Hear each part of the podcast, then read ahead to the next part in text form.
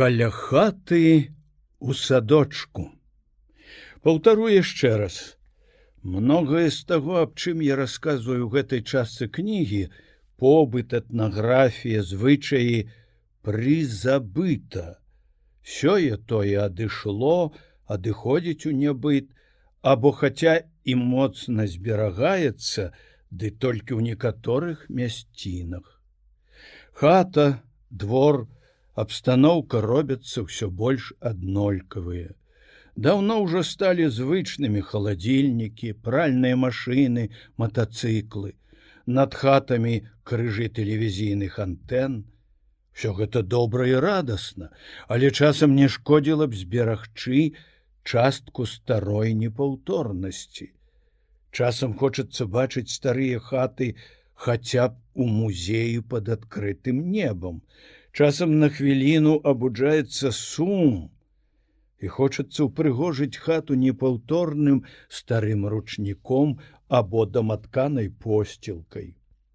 У вершы жалейка паэтэса так перадае дыялог деда з унукам. Мяне не вучылі, я быў мужиком. Калі было з гэтага сумна, я ўзяўшы жалейку выходзіў тайком шырокае поле за гумны і скардзіўся гоням траве і лясам на лёс свой цяжкі аж да смерці. І толькі не граў на жалейцы панам. Чужым не кране яна сэрцаў.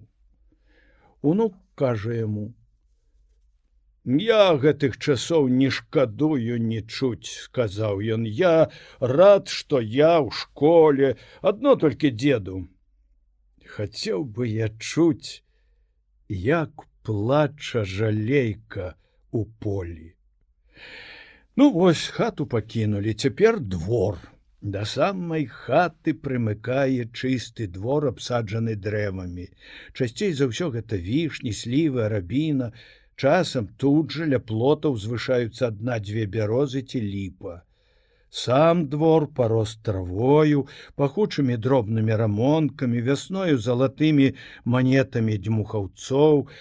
Менавіта на чыстым двары пераважна размяшчаецца склеп або на поўдні лёг другі склеп у якім часта запасаў заўсёды под рукой каб не бегаць кожны раз на двор у самой хаце ці ў сенцах под подлогай у склепе бульба гародніна бочки з капустай гуркамі мочанымі яблыкамі дзежачка з грыбамі і тоўчанай ягадай. А калі гаспадар рыбак то можа і з салёнай рыбай далей ідзе двор задні для жывёлы.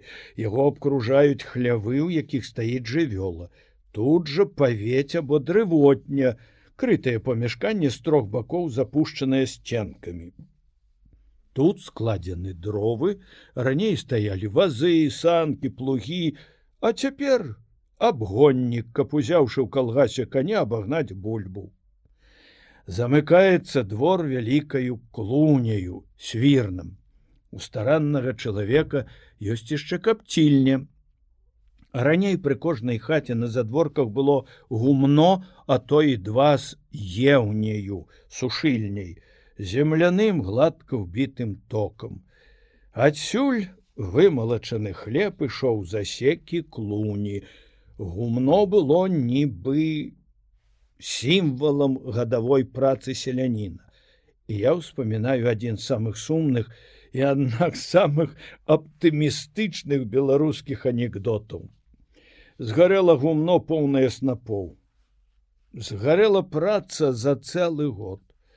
Гаспадар стаіць на папялішчы і бядуе, ой пагарэў ты яўхім, Ой пагарэў жаной пагарэў і раптам, Але ж затое і мышэй ляснула много ляснула мышэй яшчэ одна рыса характару самасуцяшэнне спалучанае з гумарам і стойкасцю знаходзіць выхад хай маральны з самага здавалася безнадзейнага становішча.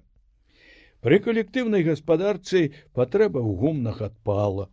Яны яшчэ толькі сям там дажываюць на задворках свой век. Затое значна павялічылася колькасць лазняў. Іх і раней было нямала, А цяпер там, дзе няма агульнавязковай лазні, такія ёсць летня ў кожным двары, або калі суседзі жывуць добра на 4-5 двароў. Пары на каменку часта паддаюць разведзеным бярозавікам квасам або вадою, у якой распарана мята ці іншыя пахучыя травы. Парацца, да знемажэння, а пасля бягуць акунацца ў рэчку або качаюцца ў снезе. За дваром гарод і сад садоў намнога пабольшала за апошнія дзесяцігоддзі. Акрамя агульных гатункаў ёсць і свае мясцовыя. Па-першае, лепшая ў свеце антонаўка, вялізная, жоўта-празрыстая. Ідзеш восенню садам, убачыш забыты яблык адкусіш ад яго холоднага укрытага сцюдзёнай расою нібы десять год скінеш з плячэй ну і потым такія славутыя грушы як слуцкая бэра ур'янтоўка сапяжанка або духмяная лошыцкая вішня што выспявае ў чэрвені.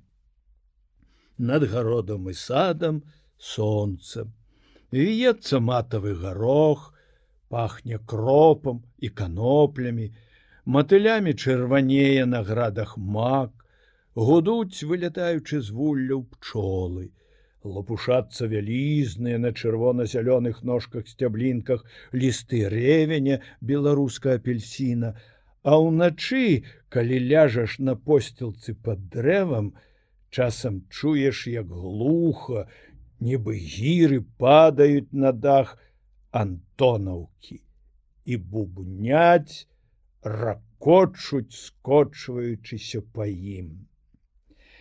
На ўскраіне вёскі вадзяны млын уздыхае ходзячы кола зеленеюць тванню латкі у люстры сажалкі адбіваецца жоўтая вячэрняя зара і цені соснаў на тым беразе ластаўкі часам чапляюць крылом ваду брох хае рыба. Вечарамі на вадзяным млыне неяк таямніча і крыху трывожна. Нездарма млынароў некалі лічылі ведьмакамі. Ветракі ў нас досыць рэдкая рэч, хіба на случані пад клецкам. Мне здаралася бачыць там 150гадовыя ветракі. У механізме, якіх не было ніводнай металічнай часткі все дрэва ясна ж цяпер не ім належыць першае месца пачэснай хлебнай справе. Элеватары паравыя млыны млыназаводы куды ўжо цягацца з імі